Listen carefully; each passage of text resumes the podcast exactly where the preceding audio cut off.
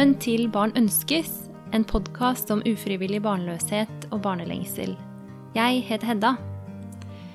Yoga har for meg vært en følgesvenn som har kommet og gått litt helt siden ungdomstida. Men i de siste årene har jeg stadig oftere kjent at yogapraksisen min er blitt en livline når livet drar seg til.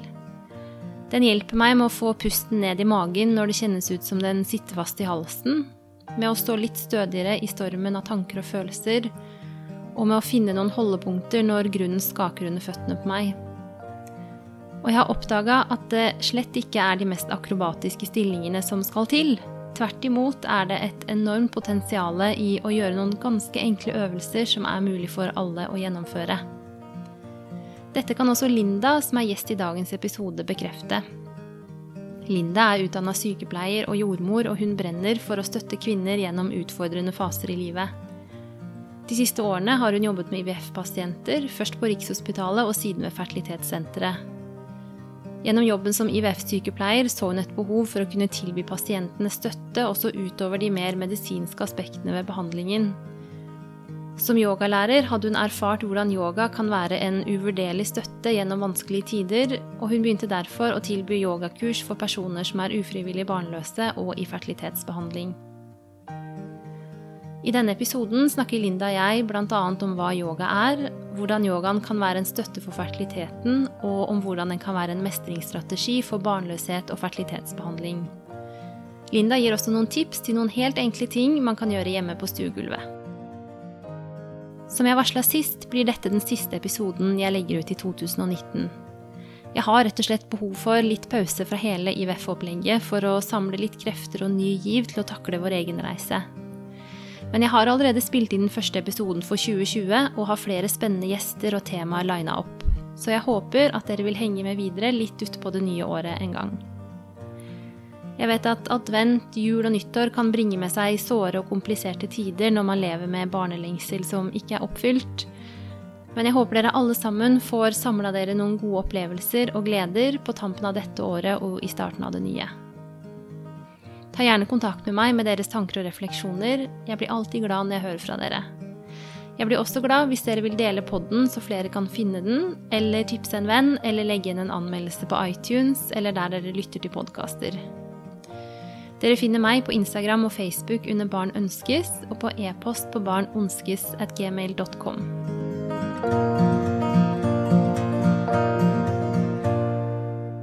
Hei, Linda. Velkommen til Barn ønskes. Tusen, tusen hjertelig takk. Takk for at jeg ble invitert eh, til å snakke litt med deg. Det har jeg gledet meg veldig til. Ja, jeg har gleda meg veldig til å lage denne episoden her, jeg ja, òg. Jeg føler meg nesten litt sånn som en sånn nyfrelst som gjerne vil ha ut et uh, budskap om noe veldig bra uh, her. For jeg syns at, uh, at, yoga er et sånn fantastisk verktøy til hjelp i den livssituasjonen her, da. Absolutt, absolutt. Jeg er helt enig med deg, og jeg ser det jo ser det jo eh, i hverdagen min på jobb og alt, så det skjønner jeg godt at eh, du syns er veldig bra. Mm. Men vi må begynne litt på starten med, med, hvem du er. Vil du fortelle litt om, om hvem du er? Ja, altså mm, Ja, det er jo et ganske sånn stort og hvitt spørsmål i forhold til hvem er jeg? Ja. Ja, ja. men, men, eh, men, enkelt sagt, altså er jeg en 41 år gammel kvinne, da. Eh, som fra ganske tidlig i livet skjønte at mitt kall, eller min livsoppgave, da, er å hjelpe kvinner i ulike livsfaser og perioder i livet som er litt tøffe. Mm, så mm, jeg begynte etter hvert på sykepleien fordi jeg hadde bestemt meg at jordmor, det skulle jeg bli. Eh, og eh, etter at jeg var ferdig med den utdannelsen, så visste jeg at jeg skulle bare rett på eh, å jobbe med kvinnehelse. Så jeg eh, søkte jobb på gynekologisk avdeling på Ullevål. Og der fikk jeg jobben og ble i syv år. Og der, der, tok jeg vare på kvinner med alt mulig, alle mulige slags plager. Fra svangerskapskvalme, um, vanskelige og vonde aborter, livmorfremfall. Um, ja, masse forskjellig. Uh, og trivdes kjempegodt med det. Mm. Um, og så uh, fikk jeg eh, to barn i mellomtiden der. Eh, og fant ut da når jeg var ca. 30 år, eh, så, så, måtte jeg bare hoppe i det og tenkte nå må jeg bare begynne på den jordmorutdannelsen som jeg har allerede bestemt meg for at jeg skulle gjøre. og da fullførte jeg to hektiske, intense, men også utrolig fantastiske år eh, i, i, den utdannelsen og hadde praksis på Føde A på Ullevål. Og tok imot over 60 barn. Eh, og det var jo helt eh, Så den tiden husker jeg så, eh, så godt og har gjort inntrykk på meg. Um, og som jordmor da, i den settingen så altså Barnet er jo selvfølgelig kjempeviktig, men jeg har alltid hatt fokus, litt ekstra fokus på kvinnen. Eh, og hjelpe henne til å komme gjennom fødselen da, på en god måte og følge mestring pust og, og, liksom hvile mellom slagene. Eh, og jeg syns alltid det var uh, For jeg hadde jo da en jordmor som fulgte meg uh, når jeg var student. Og når hun måtte løpe fra liksom, føderom til føderom, så kunne jeg sitte med den ene kvinnen og følge henne gjennom hele fødselen. Og jeg følte meg så heldig. og jeg har hatt noen fantastiske møter med utrolig sterke kvinner i fødsel som jeg tror jeg kommer til å bære med meg resten av livet. Um, men det ble dessverre ikke sånn at jeg skulle jobbe på føden uh, etter at jeg var ferdig, og det var det flere grunner til, egentlig. Um, jeg må jo innrømme at jeg ble litt skremt over hvor uh, presset disse jordmødrene var til tider. Uh, de var slitne, de løp mellom ulike fødsler, det var liksom akutte tilfeller midt på natten. Og i slutten da av praksisperioden på slutten av utdannelsen så tenkte jeg vet du hva, er jeg egentlig, er jeg egentlig laga for å gjøre dette her? Fordi at det var såpass eh, mye stress. Mm. Og eh, Så ja. Det, det, ble ikke sånn at jeg skulle jobbe med fødsler, men jeg jobber med noe som er utrolig interessant eh, nå, eh, med fertilitet, da. Mm. Ja. Ja, for nå jobber du jo på fertilitetssenteret. Ja. Så tilfeldighetene skulle ha det slik at jeg begynte først på Rikshospitalet, på reproduksjonsmedisinsk avdeling der. Eh, fikk jobb der som jordmor og eh, ble kastet inn i et felt som jeg egentlig ikke visste noen ting om. Og det var kjempespennende å, eh, å lære mer om eh, liksom fasen før man ble gravid. Mm. Og etter at jeg hadde jobbet der i ca. to år, så begynte jeg å jobbe på fertilitetssenteret, hvor jeg nå jobber eh, den dag i dag, da. Og du kan si jeg møter jo kvinner nå i en helt annen fase i livet enn det jeg gjorde når jeg eh, studerte til å bli jordmor. Og det er jo liksom en helt annen type Altså, det å være i fødsel, det er jo vondt og smertefullt og sånn, men jeg ser kvinnene eh, som, som prøver å bli gravide, og som sliter litt med det, så er det liksom en lidelse eh, og fortvilelse i øynene deres på en litt annen måte. Mm. Og jeg opplevde veldig mye, eh, egentlig i starten, spesielt på Rikshospitalet, hvor det var mye pasienter, og vi hadde liten tid, at jeg liksom kom veldig til kort uh, når jeg møtte disse kvinnene. At jeg liksom Jeg hadde så lyst til å snakke litt dypere med dem om hva de følte, men vi hadde liksom ikke tid. Det var, det, det var medisiner, det var informasjon, det var sprøyteopplæring. Eh, det var de tingene der. Og så kom liksom det psykiske elementet og det emosjonelle elementet eh, alltid liksom vi fikk aldri tid til å snakke om det, selv om jeg av og til åpnet om det. Eh, men eh, jeg fikk en sånn tomhetsfølelse og bare Men det er jo ikke dette her jeg vil. Jeg vil jo hjelpe dem på en, på en annen måte også. Mm. Um, og på fertilitetssenteret hvor jeg jobber nå, så har vi jo mye bedre tid til pasientene uh, og kvinnene og parene. Og føler at jeg liksom fikk, fikk snakket med dem på en helt annen måte.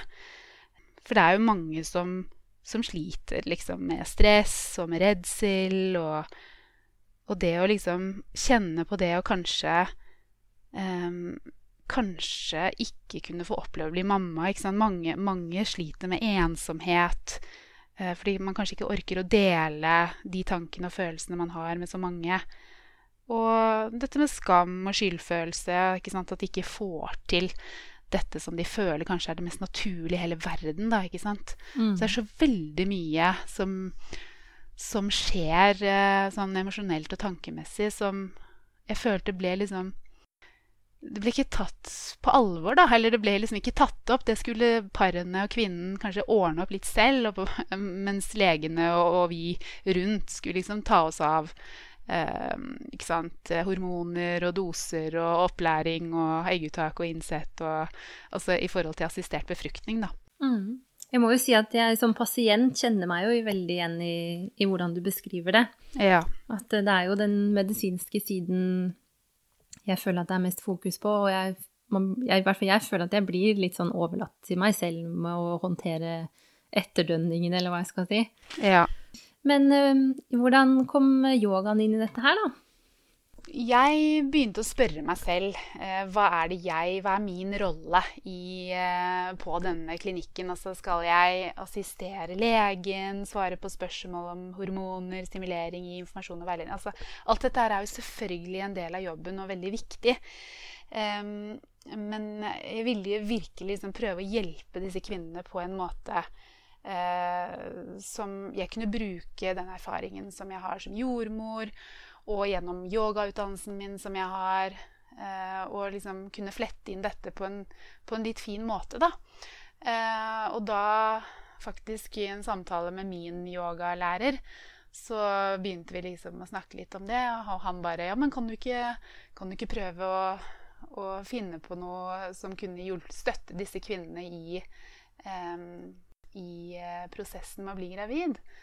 Og så ble jo dette frøet begynt å spire litt i hodet mitt eh, over noen måneder. Og så tenkte jeg ja, dette må jeg bare prøve virkelig. For jeg tror at eh, gjennom egen erfaring så har jeg brukt yoga veldig mye eh, i å håndtere vanskelige situasjoner i livet. Eh, stressende situasjoner i livet hvor jeg har på en måte måttet eh, eh, ha et fristed da, som ja, å bearbeide ting og liksom slippe tankene, alle tankene og følelser som kanskje er der, og bare være meg på matta og kjenne kroppen og pusten og alt det der. Mm. Og kunne på en måte å ta min egen erfaring med yoga og tilby det til disse kvinnene som har lyst og som, som ønsker og som trenger eh, noe mer da, eh, enn bare mm, det medisinske og kanskje støtte fra mannen eller fra partner. Eh, men trenger noe mer eh, støtte og føler at man er kanskje litt mer delaktig i, i prosessen selv. Da. Ikke bare overlate kroppen til, eh, til det medisinskfaglige, ikke sant? Mm. Mm. Ja, for du Vi kunne jo lagd en egen episode om jeg, din reise til yogaen, men du er jo yogalærer. Ja. Um, og har sikkert også da, litt som du sier, hatt en, hatt en praksis selv lenge. Mm, ja har praktisert i nå snart åtte år, av og på lite grann. Men de siste ja, fem årene så har jeg vært veldig konsekvent konsekvent og hatt en veldig regelmessig praksis, og mer og mer inn i meditasjon også. Uh, ja, så, og det tror jeg, tror jeg, er veldig fordel at man selv praktiserer det man uh, lærer bort. ja. Jeg hadde lyst til å si bare litt om mitt forhold til yoga òg, fordi ja. um, både sånn at du vet hvem du snakker med, men også at lytterne liksom vet litt mitt utgangspunkt. Jeg, uh, jeg dansa jo i oppveksten, og så, um, så når jeg liksom gikk på videregående og begynte å trene på treningssenter, så hadde de jo sånn treningssenteryoga uh, som passa meg godt. Da. Det var liksom et godt komplement til styrke og spinning og alt det andre. Også, men det var nok mest sånn bare for det fysiske. Jeg, liksom, jeg husker at jeg syntes det var godt hver gang jeg hadde vært der. Jeg følte meg litt sånn lett når jeg gikk ut, men jeg tenkte ikke så mye på det mentale eller hva du kunne gjøre emosjonelt og sånn. Mm -hmm. Og så som student så tok jeg noen, noen, yogakurs, og da får man jo gå litt mer i dybden, men heller ikke der var det så mye fokus på det. var fortsatt ganske mye stillingene og det litt sånn det fysiske, på en måte. Men så har jeg jo likt det veldig godt. Det har, sånn, det har kommet og gått litt i perioder for meg hvor mye jeg har holdt på med det, men jeg har de siste årene så har jeg stort sett hatt en hjemmepraksis da, hjemme i kjellerstua her. Um, og de siste par årene hvor liksom livet har uh, dratt seg til litt, så har jeg begynt å skjønne mer og mer hvor potent det er som et Jeg vet ikke, en slags sånn hjelp til å mestre det som er vanskelig, da. Så det har gått fra å være en, en slags treningsform til å bli mye mer en mestringsstrategi for livet, egentlig.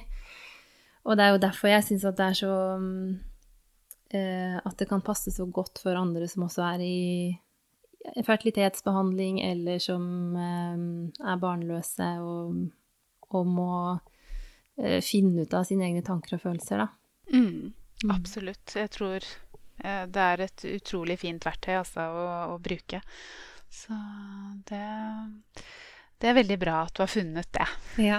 ja. Men um, klarer du å si Det er jo ikke sikkert at alle som lytter, egentlig vet så mye om yoga. Jeg vil jo tro at mange har sett det holdt jeg på å si på Instagram eller TV eller på treningssenter og sånn, men klarer du å si litt kort bare hva yoga er? Oi. kort. Ja. ja. altså jeg skal prøve. Fordi at eh, akkurat sånn som deg, så var det litt som meg også. At eh, jeg møtte yoga som en fysisk praksis, og som ga meg veldig sånn følelse av ro og eh, letthet, som du beskriver. Og eh, det blir jo veldig fremstilt som en fysisk treningsform. Eh, som, kan, altså, som, ser ganske utfordrende ut på Instagram og sånn, hvor folk poster hodestående og bro og altså alt mulig litt sånn akrobatiske stillinger. Eh, men det er faktisk ikke det yoga eh, tradisjonelt eh, er, da. Eh, og det har jeg, dette har jeg kommet frem til gjennom mange års praksis, og jeg har studert yogiske tekster og sånn. Eh, men det er jo faktisk en flere tusen års eh, disiplin. Hvor både det fysiske og man har mentale metoder. Altså man har både asana, som er de fysiske stillingene, og du har pranayama, som er pustekontroll. Og så er det meditasjon, da, som skal lede oss til frigjøring da, fra den, denne materialistiske verden vi lever i, til union med den universelle bevisstheten. Og det er ganske store ord og litt vanskelig å begripe og fatte. Uh, og, og, dette er jo på en måte snakk om en veldig sånn gradvis og, og, slow process uh, uh, som skal utvikles gjennom mange år, eller mange liv, faktisk, ifølge yogisk tenkning. da. Mm. Uh, og målet er egentlig da at den, denne individuelle bevisstheten som er deg, eh, som, som, er, som, er, den du er, skal slutte seg sammen med denne universelle bevisstheten. Uh, og man skal da på den måten frigjøres fra gjenfødelse og lidelse. Og det, det er på en måte det som er grunntanken innenfor yoga. og det er ganske så, så, annerledes enn det som blir projisert i sosiale medier og sånn generelt i Vesten i dag, da. Mm. Men så er det jo For det høres jo også Jeg kan jo også kjenne at eh, det høres jo litt overveldende ut, på en måte. Ja. Men man trenger jo ikke å mm, Man kan ha godt utbytte av yoga uten at man i utgangspunktet tenker at man liksom skal virkelig gjøre sånn dypdykk ned i filosofien og historikken og, og, alt sånn. Og så tror jeg kanskje at, i hvert fall for meg, så merker jeg at den interessen kommer mer og mer etter hvert som jeg liksom Eh, blir glad i yogaen, da. Men, mm. men man, trenger å, man, trenger liksom ikke å tenke at uh, at man forplikter seg for flere livstider Nei. når man uh, starter med yoga. ikke i det hele tatt. Og man begynner i det små, og man begynner med kroppen og det fysiske, og så vil man etter hvert uh, utvikle praksisen sin hvis det er sånn at man vil det, og det er naturlig for deg, å gå videre i de litt mer subtile delene av det hele. Men uh, veldig mange, og jeg uh, var mange år selv hvor jeg bare praktiserte fysiske stillinger og syntes det hjalp utrolig mye. Uh, og det var utrolig terapeutisk i forhold til stress og mestring av livet generelt. Så man trenger absolutt ikke å gå inn i noe filosofi og inn i yogisk tenkning på den måten hvis ikke, det, hvis ikke man er klar for det. Man må være virkelig klar og um, søkende, ikke sant. Mm. Men hvordan henger yogaen sammen med dette med fertilitet, da? Jo, altså det er jo det litt jeg sa i start, eller eh, nå i, i, sted i forhold til dette med egen erfaring med yoga. Eh, at det har hjulpet meg i stressende situasjoner. Og man har jo sett eh, Eller det er jo ganske en kjensgjerning at de som sliter med å få barn, og barnløse, og de som har, har liksom litt vei, lengre vei til graviditet, har ganske mye sånn stress og masse tanker og kaos i hodet. Eh, så tanken bak det å kunne tilby yoga, og at det kan være bra for de som eh, eh, som er ufrivillig barnløse, det er at man skal kunne én redusere stress og kunne mestre det å stå i denne litt sånn ubehagelige situasjonen. Um, samtidig eh, som man åpner opp kroppen og løser opp spenninger og jobber på det fysiske planet, ikke sant. Mm. Eh, med at man øker blodsirkulasjonen. Kanskje mange sitter stille på jobb flere timer. At det blir en stagnasjon i, i energiflyten i kroppen som er kanskje litt sånn fremmed å, um, eh, å tenke innenfor eh, vestlig medisin, men innenfor østlig og kinesisk medisin så er jo dette med energibaner i kroppen og også innenfor yoga eh, veldig naturlig. Mm. Så disse, disse, stillingene eller den, disse sekvensene som jeg har bygget opp, de er med på å på en måte åpne opp bekkenet, få, få, bedret sirkulasjon inn mot bekkenet og til eh, kjertler som produserer hormoner. Altså sånn at man, så man hele tiden måte eh, jobber spesifikt med eh, sirkulasjon og hormonene og å senke stress, stresset i kroppen, rett og slett. Så det er liksom Man angriper det fra flere, flere sider. Mm. Mm. Ja, hvis vi holder litt fast ved det mm, med stressreduksjon og sånn, så jeg, en av de tingene jeg syns er mest kraftfullt, i hvert fall, er at uh, for det første så er det Det er jo trening i å puste med magen. Absolutt. Uh, virkelig. Og så merker jeg også at uh, man blir jo flinkere gjennom yogaen til å legge merke til det som foregår i både kropp og sinn. Og jeg merker en ting som jeg merker veldig mye lettere nå enn før, er at jeg kan mye oftere ta meg i det der med at oi, nå puster jeg ikke ordentlig. Nå puster jeg sånn overfladisk og helt oppi halsen nesten, og får det ikke ned i magen og ja, ikke sant? Det er vel en sånn Nå er ikke jeg noen sånn stresslege, men det å få pusten ned i magen, er ikke det litt sånn første bud? Det er virkelig første bud, akkurat det. Det begynner jeg hver yogaklasse med å bare ligge rett ut på matten. Og legge en hånd på magen og bare først observere den naturlige pusten. Eh, men så etter hvert også da prøve å trekke pusten litt dypere ned, så man eh, som du sier, da, at det er ganske tungt, men diafragma, som ligger da som en muskel mellom eh, kan du si, magen og overkroppen, da, eh, den har blitt veldig svak hos veldig mange fordi at vi bruker eh, trange bukser, og vi, er, vi, skal liksom ha flate mager hele tiden. Og vi skal puste her oppe bare i lungene, og vi skal ikke bruke dette, denne muskelen diafragma som, eh, som, er egentlig en naturlig pustemuskel. Eh, så den har blitt veldig svak hos mange, og eh, vi har glemt egentlig litt det å hvordan det er å føle og liksom at magen blåses litt opp, og navlen løftes litt opp mot taket på innpust og synker ned mot, mot ryggsøylen på utpust.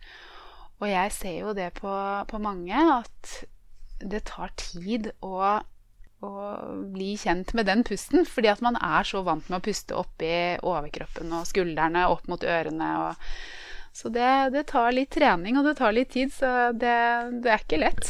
Nei, og så merker jeg veldig at eh, det med pusten blir veldig påvirka av hvor jeg er i et sånn der fertilitetsbehandlingsløp òg. I de periodene hvor jeg syns at det er tyngre, så mm, når jeg gjør yoga og puster og virkelig prøver å puste og kjenne etter hvordan det er, så kan jeg merke så stor forskjell at noen dager når jeg syns at ting er tungt, så er det også akkurat som at det, er, det tar lengre tid før jeg får til den gode pusten, da. Og så er det også forløsende når jeg får det til. Mm. At kan, jeg kan ha noen dager hvor jeg legger meg på matta og tenker at å herlighet, nå, nå, er det stramt i hele pustemaskineriet her. Og så etter hvert eh, gjennom en yogaklasse da, så, så kan jeg etter hvert kjenne å, nå begynner det å løsne, nå får jeg puste ned. Og da slapper jeg mye mer av i kroppen og kjenner liksom at jeg føler meg klarere i hodet og Ikke sant. Mm. At det Ja, at bare det med pusten er eh, veldig viktig, da. Ja, veldig. Og det er liksom som du sier, at uh, hvis man har veldig mye å tenke på og er i en vanskelig situasjon uh, og kanskje er inn under behandling med hormoner og venter på egguttak eller altså uh, hva enn det måtte være, så speiler ofte alle de tankene seg i pusten. Så da puster man mer oppi brystet og slipper ikke pusten dypere ned. Eh, så hvis man da er bevisst pusten sin i de vanskelige situasjonene og tenker ok, det var sånn jeg skulle slippe ut magen, ja, det var så vil man også oppleve at man roer ned tanken også. Så de, altså sinnet og pusten kan påvirke hverandre veldig. Mm. Eh, og det er et veldig fint verktøy, som du sier, for å på en måte ikke bare kontrollere, men å være og observere det man går igjennom litt utenifra, uten å måte, knytte seg kanskje så veldig mye til det. Men at man bruker pusten til å, til å kunne bli i det som er ubehagelig, uten at man knytter seg til det og blir i stormen, og, og, den ene tanken bare spinner den andre, og så får man ikke sove, og så knytter man seg, og så er man full av spenninger, og så henger man i taklampa, liksom. Ja. ja. ja. og det er jo den andre tingen som jeg syns er til så stor hjelp, er den treningen yogaen gir i å ta et skritt tilbake fra tankene og følelsene sine, og kunne si Istedenfor å kjenne 'jeg er så redd, jeg er så redd, jeg er så redd', så kan man ta et skritt bak og tenke 'oi, nå er jeg skikkelig redd'. Mm. Og det er også noe som jeg syns noen ganger at tankene og følelsene i en sånn infertilitetsprosess kan være så overveldende at jeg har en tendens til å bite det litt sånn i meg og ikke egentlig tørre å kjenne etter.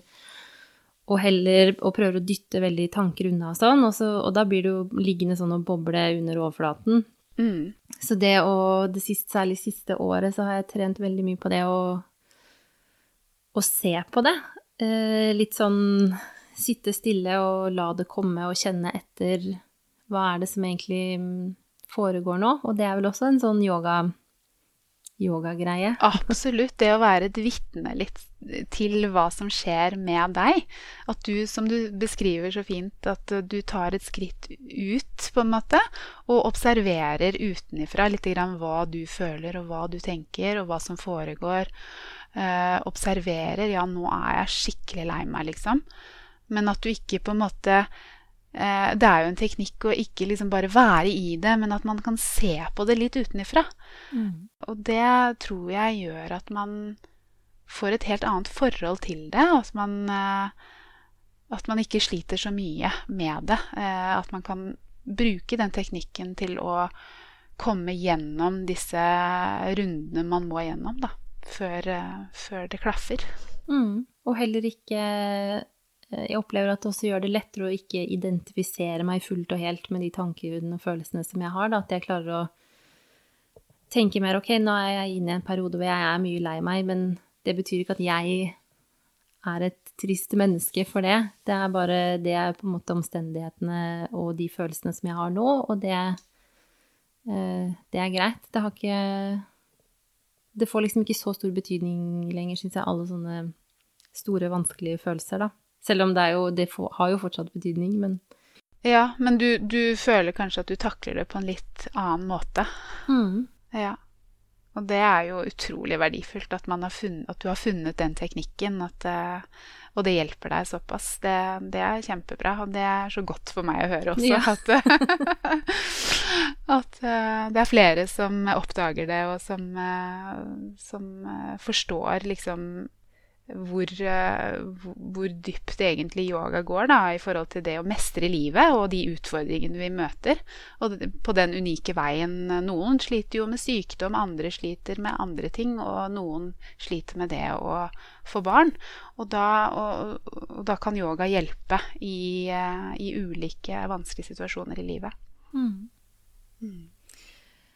Men um hva kan man Er det noen sånne litt sånn enkle ting man kan gjøre jeg, hjemme selv for å, for å, begynne å trene seg litt på dette her med pust og, og observere og sånn? Hvis man ikke har tilgang til, til dine kurs, f.eks., eller tilsvarende? Ja. Eh, det er mye man kan gjøre selv. Og som du sier, første, første bud på en måte, det er å bli bevisst sin egen pust. Hvordan er det jeg puster? Eh, og den beste måten å gjøre det på, er rett og slett å legge seg ned på gulvet. eh, en stille krok hjemme hos seg selv, eh, hvor man kanskje vet at man ikke blir forstyrret. Og så kjenne litt og observere litt hvordan pusten er. Eh, og så etter hvert da prøve å tenke at man skal puste litt dypere ned. At magen løftes opp og inn, som jeg sa i sted. At man kjenner at man trekker pusten dypere ned i kroppen. Eh, og da vil man faktisk ganske umiddelbart begynne å kjenne at man føler en helt annen ro i kroppen eh, når man blir bevisst den pusten. At, at den Bare det å puste riktig er en eh, stor eh, Vil gjøre en stor forbedring da, i hvordan eh, du vil føle deg, faktisk. Mm. En ting som jeg har gjort i sommer og i høst, og som jeg har syns har hjulpet meg mye, er Jeg er ikke noe sånn um, supermediterer som kan sitte i 40 minutter og tømme hodet, men jeg liker å sette meg bare helt stille ned, enten litt sånn rett opp og ned på en stol eller på matta, og så um, prøve å bare, um, bare være, og bare lytte litt og kikke litt innover. Og så oppdager jeg at jeg ofte da um, Ting liksom kan plutselig bli litt sånn klare for meg. At kanskje noe som har ligget sånn og murra uh, men som jeg ikke har fått helt tak i, kan, kan plutselig dukke opp litt mer sånn at jeg får litt fatt i hva som foregår. Og, og, i det siste så har jeg kjøpt, eller jeg har en liten sånn notatbok som jeg bare har liggende ved siden av meg. Og så, og så noterer jeg bare noen ganger ned sånn helt enkle ting som at nå er det Nå dukker det opp mye sinne, for eksempel. Oi, nå, ja. dukker, nå dukker det opp mye Dette her er tristhet, eller dette var på grunn Eller dette er trigget av noe som skjedde i dag, eller Og det syns jeg også hjelper meg mye å liksom det er en sånn enkel måte å hjelpe seg selv, bare sortere litt i, i det virvaret som er av tanker og følelser, da. Ja. Og det er ikke det, så mye som skal til. Det er ikke så mye som skal til, og det er jo en av de tingene som jeg anbefaler mine damer som kommer på kurs til meg, um, om å føre en liten dagbok eller notatbok, eller hva man skal kalle det, uh, mens de går på kurs. Uh, fordi at uh, når man begynner å åpne opp kroppen og man begynner å ta vare på seg selv på en litt annen måte, så kan det dukke opp tanker og følelser, og det er jo ikke meningen at man skal på en måte dytte alle disse tankene bort, det, det, da kommer det jo bare tusen til, ikke sant. Så mm. man, man, skal bli venn med disse tankene, og man skal bli sånn kjent med, med, hva er det som dukker opp, og gjerne skrive det ned, sånn som du gjør. For det å sette ord på ting og skrive det ned, det gjør at det blir litt klarere, som du sier, eh, og tydeligere, og også da kanskje lettere å snu liksom negative tankeprosesser til å snu det litt mer sånn at det blir eh, mer håp kanskje i det. Eh, litt mer positivt. Men, men, også det å bare erkjenne at nå er jeg sint, nå er jeg, nå er jeg kjempelei meg. Og få det ned på papiret, og så er det en sånn forløsende følelse, ikke sant. Og så kan man kanskje da gå litt videre. Um, så det er noe jeg virkelig anbefaler mine kvinner som kommer på kurs hos meg, at, um, at det er en veldig fin uh, ting å gjøre underveis. Mm, det er så bra. Mm. For det er så jeg syns det, det, hjelper meg til å gi litt slipp noen ganger. Det, og det kan noen ganger kan dukke opp nesten helt sånn konkrete ting. I dag er jeg egentlig sint på Ola fordi at han ikke gira seg opp så mye som meg over et eller annet. Og så um, Plutselig er det bare sånn pling, sier det. Å ja, det ja. er det, ja. og så skriver jeg det, og så er det OK, da er jeg ferdig med det. ja, ikke sant.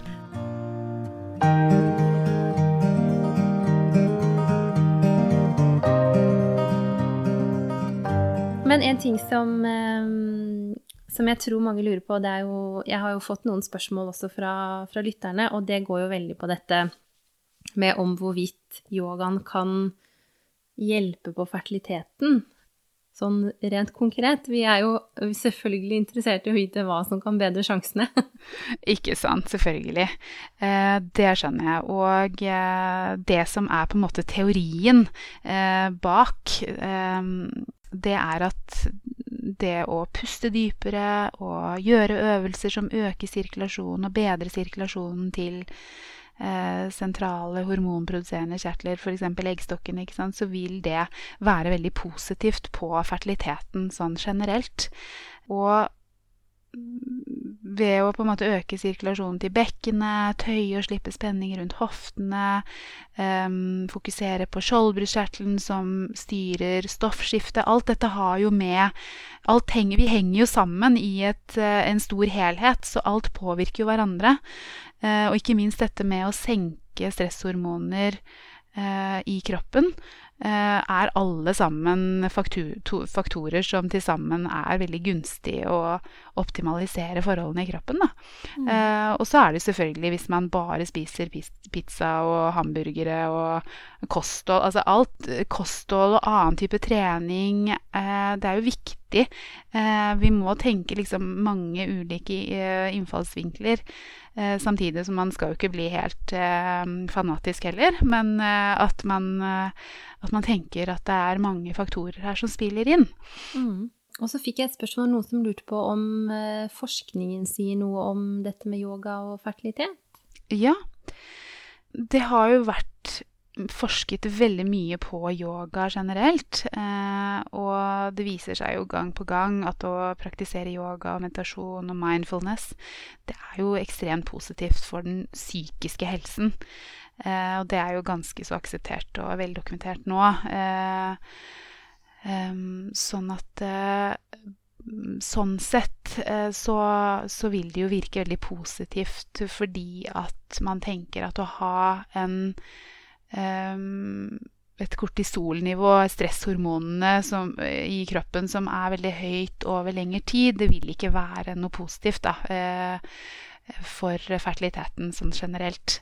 Mm. Eh, og så kom jeg over en, eh, en, oversiktsstudie som var gjort i 2018, eh, som tok for seg 87 ulike studier som var utført eh, eh over en ca. 30 års periode.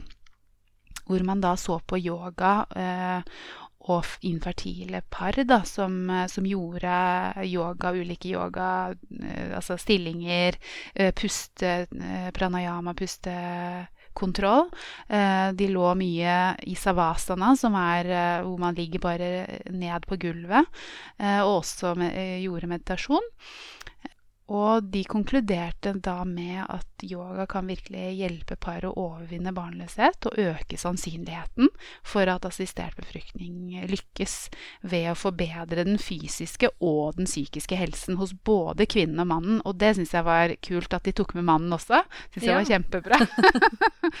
så, så, det er forskning eh, som ligger ute, og som sier at dette her er Det, det er ikke bare tull. Det er faktisk eh, noe som virkelig kan hjelpe, og eh, at det gagner en å prøve å, å, legge inn noen sånne økter i uken hvor man um, ja, fokusere på kroppen og fokusere på å være til stede i pusten, roe ned eh, dyrke liksom den yin-energien i oss. Da. Eh, fordi at er, samfunnet i dag er veldig yang-preget. Eh, hvis man skal trekke det inn i kinesisk og østlig medisin igjen, hvor yang representerer det som hvor vi skal hele tiden prestere. Det er et prestasjonssamfunn vi, vi lever i. Vi skal være vellykket. Vi skal, vi skal, hele tiden være på. Vi skal være med. Vi skal, eh, ja, vi skal lykkes da, på alle fronter i livet. Og så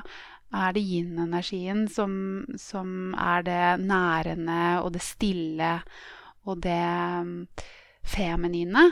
Og jeg eh, tenker at det er kjempeviktig å dyrke det i, eh, i, en prosess hvor man prøver å bli gravid. Da.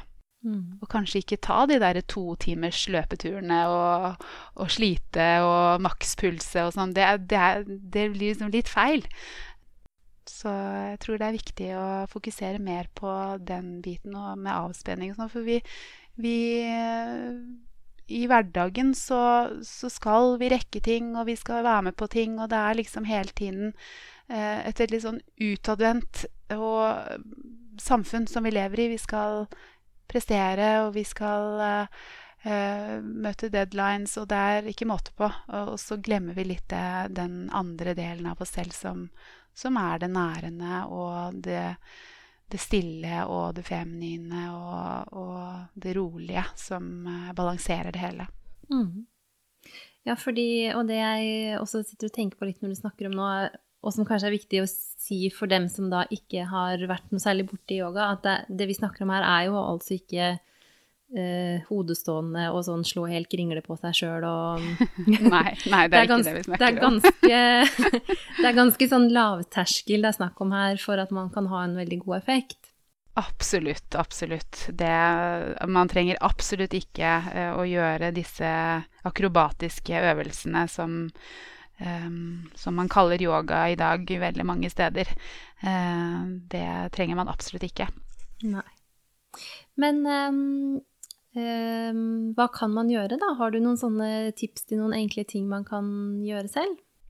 Ja, jeg har jo da eh, valgt fire øvelser ut fra de sekvensene som jeg har, som jeg tenkte bare å forklare litt sånn eh, raskt. Eh, og eh, dette kan man jo gjøre hjemme flere ganger i uken hvis man ønsker det. Og, og um, det vil støtte virkelig um, deg gjennom uh, prosessen um, i forhold til hvis man driver med assistert befruktning, eller om man bare prøver hjemme, eller uh, uansett hvor man er hen i løpet. Uh, så først så vil jeg anbefale at man bare legger seg ned på gulvet. på matten og bare blir bevisst pusten sin. Og da legge en hånd på magen og en hånd på brystet f.eks. Og kjenne at brystet er ganske rolig. Beveger seg ikke så mye opp og ned, men at magen er den som, eh, som beveger seg. Og at du kjenner at magen løftes inn i hånden på innpust og synker ned på utpust. Og at man kanskje ligger da og eh, gjør denne pusteøvelsen da kanskje 10-15 ganger. Eh, dype inn- og utpust. Um, og så kan man løfte bekkenet litt opp fra gulvet. Um, og bare kjenne at man plasserer vekten ned i fotsålene, at man slapper av i baken og bekkenet. Uh, for da får man uh, um, Det er jo en type inversjon, men en veldig eh, mild form. Eh, og denne type stilling vil balansere hormonsystemet, det vil roe nervesystemet. Så her pleier vi å ta en ti pust også, hvor man bare virkelig puster inn i magen, slipper helt opp i magen. Slipper helt opp i ansiktet, i kjeven, lukker øynene, prøver å Uh, stenge ute alle sanser og virkelig bare kjenne hvordan har kroppen min det. Og kommer det tanker, og, og Eh, at man dømmer seg selv 'Å nei, nå ser jeg rar ut', eller eh, 'Dette får jeg ikke til', og nå eh, Altså hva som helst, da. Så skal man bare la det komme, og så kommer man tilbake til pusten igjen. Og vender oppmerksomheten tilbake til pusten. Så setter man bare bekkenet ned rolig igjen, og så kan man sette fotsålene sammen, og så la knærne bevege seg ut til hver sin side. Cobbler's pose, eh, som det heter. Og er, det her er en veldig sånn god, fin eh, hofteåpner. Eh, hvor man bare legger armene ned langs med siden og bare slipper knærne og lårene ut til hver sin side. virkelig kjenne på pusten. Pusten skal jo hele tiden flyte rolig og fritt, uten hakk. Prøve liksom å ha en myk, smidig og rolig pust hele veien. Og eliminere også opphold i pusten. Det er kjempeviktig at man hele tiden puster inn og ut uten stopp. eh, for å få en flyt i pusten og en ro i kroppen. Um, ja, så kan man jo ligge her så lenge man vil, egentlig. det er en mhm. veldig god, god øvelse. Uh, men etter hvert da så kan man uh, trekke knærne sammen igjen, og så komme opp sittende og legge seg over bena. Um, og alle disse fremoverbøyningene er veldig bra for å roe ned det, det sympatiske nervesystemet og fremme det parasympatiske nervesystemet, som, som er dette med ro og hvile. Um, og som senker stresshormoner i kroppen. Da. Så å lene seg litt frem over, hvis man har kanskje en pute eller en bolster til og med, hvor man bare ligger over og slipper hodet ned, eh, og kjenner at det strekker kanskje godt bak i korsryggen. eh, og bare lar ansiktet henge ned mot gulvet og prøver å slippe opp i kjeven og lukke øynene og virkelig liksom bare synke ned i den dype avspenningen, så er det også en superfin øvelse. Og da har du beina da har man bena bare liggende på matten rett frem. Ja. Eh, og så til slutt så vil jeg avsluttet da med at man eh, setter seg helt inntil veggen eh, på siden, liksom. At man setter seg sånn sidelengs. Og så vipper bena rolig opp langs med en vegg. Pass på at ikke det er noen bilder eller sånt i veien. og så legger seg ned da med bena opp langs med veggen, eh, som også er en superfin øvelse å gjøre før man skal legge seg. Eh, veldig sånn søvnfremmende. Eh, roer ned eh, nervesystemet. Veldig bra for sirkulasjonen og blodtilførsel ned mot livmoren og, og eggstokkene. Um, ja, så den kan man jo ligge i eh, Jeg pleier å ha mine kvinner liggende kanskje i tre-fire minutter uh, med bena opp. Det er veldig sånn eh, deilig, og da har vi øyeputer over øynene og pledd på, på brystet og virkelig liksom eh, eh, slapper av. Og da kan jeg også komme med litt sånn visualiseringer i forhold til dette med koblingen mellom hjertet og, og, og livmoren, da. Eh, hvor det er en, eh, en energibane som går mellom hjertet og livmoren. Um, for hjertet representerer jo kjærlighet og omtanke og uh, ja, generelt liksom gode følelser. Så tenker liksom at uh, at denne energibanen er åpen ned mot livmoren. For veldig mange kvinner som sliter med å bli gravide, har en sånn um, følelse av at uh, kroppen har sviktet dem på en eller annen måte, og vil ikke forholde seg til dette området i det hele tatt. Fordi de syns at de fungerer ikke, eller de er de er sinte på kroppen sin. Og jeg prøver sakte, men sikkert å få de til å prøve å akseptere mer eh, potensialet som ligger i, i, i oss. Da. Eh, og heller snu det på den måten og prøve å få de til å, å bli glad i seg selv igjen, rett og slett. Mm. For jeg tror det er mange som, eh, som er eh, skuffet over seg selv. Mm, på mange måter. Altså. Og det, det, er så synd, og det er så trist. Jeg blir så trist når jeg tenker på det. Mm. ja, så jeg prøver å, å, fremme det at det er faktisk potensialet eh, til at det skal, det skal eh, Man skal få det til. Mm. Så det var de fire, de fire øvelsene jeg tenkte kunne være fint å begynne med, i hvert fall. Ja. Mm. Og alt det du sa nå sånn, har vært sånn favoritter her i det siste òg. Ja, så bra! så når du, satt, når du snakka deg gjennom, så kjente jeg nesten sånn at jeg ble helt sånn avslappa, jeg. Og jeg sitter jo i det rommet nå som jeg pleier å gjøre yoga, så det, det var liksom noen assosiasjoner når du forklarte noe, så jeg ble helt sånn hm, litt sånn salig. ja, så flott! Ja. Å, det er kjempehyggelig at du sier. så det er jo Ja, så det, som man nå har hørt eh, når du har fortalt, så er det jo virkelig ikke så veldig avansert, eller man trenger liksom ikke så uh, så voldsomt mye utstyr eller stæsj eller Nei, ikke det, liksom det hele tatt. Ja. Det er bare å begynne, og, og, mange er jo veldig Jeg får jo mail hvor Ja, men jeg har jo ikke gjort noe yoga før, jeg kan jo ikke dette. Men, men uh, det er det der liksom sosiale medier har dessverre gjort at uh, mange er redde for å prøve det, for det ser så vanskelig ut, og man skal sitte i rare posisjoner og Men det er ikke det som er yoga. Yoga er jo dette med å akseptere seg selv og, og være til stede i pusten og og, og, ikke minst respektere kroppen sin og, og, og bare ja, gjøre det man kan og, og bruke pusten som et verktøy. Det er det, det er det som er det viktigste. Ikke det å stå på hodet eller uh, snurre seg rundt i, i vanskelige stillinger. Altså, det er ikke det som er meningen i det hele tatt. Nei. Og um, det trenger jo heller ikke å hete fertilitetsyoga for at det skal være um, godt og bra, holdt jeg på å si. Det er jo ikke sikkert at man har tilgang til et, et kurs som heter fertilitetsyoga, eller at man på en måte Det er vel mange yogavarianter som kan være veldig gode. Det tror jeg absolutt. Eller det vet jeg faktisk. Um, ja. Selvfølgelig, selv om yoga for fertilitet er jo veldig sånn skreddersydd for, skreddersydd for kvinner som prøver å bli gravide. Uh, men all yoga som roer ned nervesystemet og øker bevissthet rundt pusten uten å presse deg uh, på noen som helst måte, er kjempebra.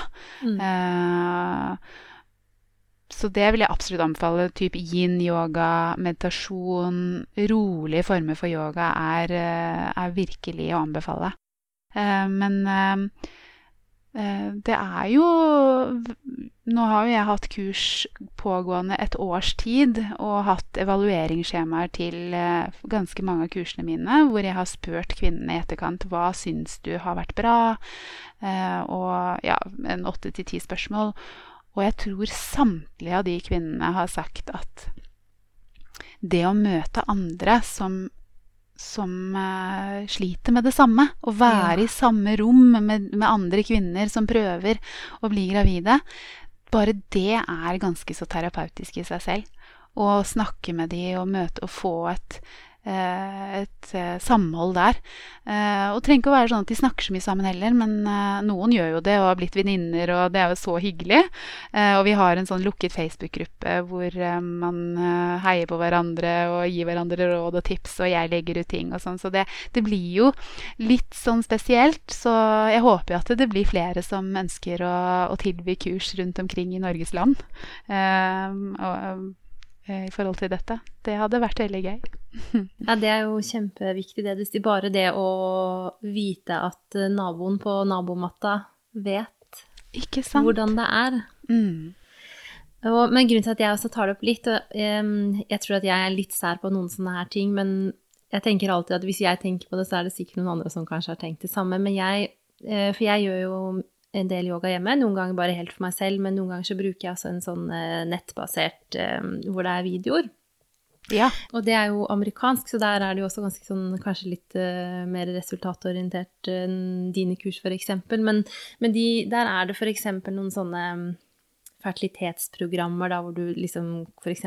går gjennom syklusen, og så er det litt sånn forskjellige klasser gjennom, gjennom syklusen. Og jeg kjenner at det kan noen ganger trigge meg veldig hvis, hvis det er sånne yogaklasser hvor det blir mye prat om sånn visualiser barn i magen Altså um, hvor det på en måte blir veldig sånn fokus på det der man prøver å oppnå.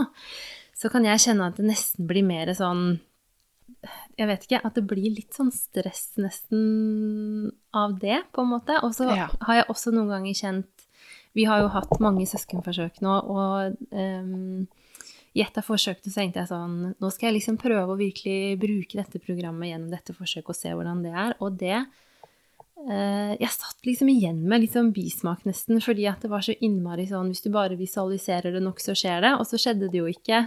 Nei, ikke sant. Eh, så jeg er litt sånn eh, Det må liksom ikke Jeg tenker at det er fint at det ikke er for mye fokus på resultatet òg, liksom. Hva man prøver mm. å oppnå. Ja. Nei, helt enig. Ehm, jeg snakker jo ikke så veldig mye om det gjennom eh, mine kurs, og jobber mer med å egentlig eliminere fortid og fremtid mens vi er sammen i det rommet. Ja. At vi er her og nå og, og puster og er i kroppen og um, aksepterer hvor man er hen, og så er det veldig lite av det du sier med at vi skal oppnå dette resultatet. Ja. Det var satt litt på spissen, da, men, jeg, men jeg, ja, ja. liksom Jeg fikk litt sånn Jeg har ikke brukt akkurat de klassene igjen, fordi at uh, jeg, det var liksom Jeg syns på en måte det Jeg trengte ikke å tenke enda mer på, på det egget og Eh, akkurat hvordan det skulle feste seg i livmor og Det var liksom ikke det jeg trengte mer av akkurat da, egentlig. Nei. Så nå har jeg tenkt sånn at den yogaen som gjør at jeg føler at jeg er mer i kontakt med meg selv, og som gjør at jeg får pusten mer ned i magen og slapper av bedre og løser opp noen spenninger, den, den yogaen er sikkert bra for fertiliteten, har jeg tenkt. Absolutt, det er det. Ja, ja. Hvis vi skal eh, Jeg er litt nysgjerrig på det med hvis vi liksom skal gjøre et sånn siste salgsstøt for yoga her, med hva slags utvikling ser du hos de som kom på kurs hos deg? Fra de liksom starter til de har gått ett kurs, eller du, du fortalte jo at du har eh, noen som kommer igjen også? Ja, jeg ser jo at eh, det er veldig utvikling når det gjelder pusten. Eh, veldig mange som Jeg snakker jo med veldig mange på klinikken, eh, og veldig mange snakker jo bare oppe i øvre del av brystet.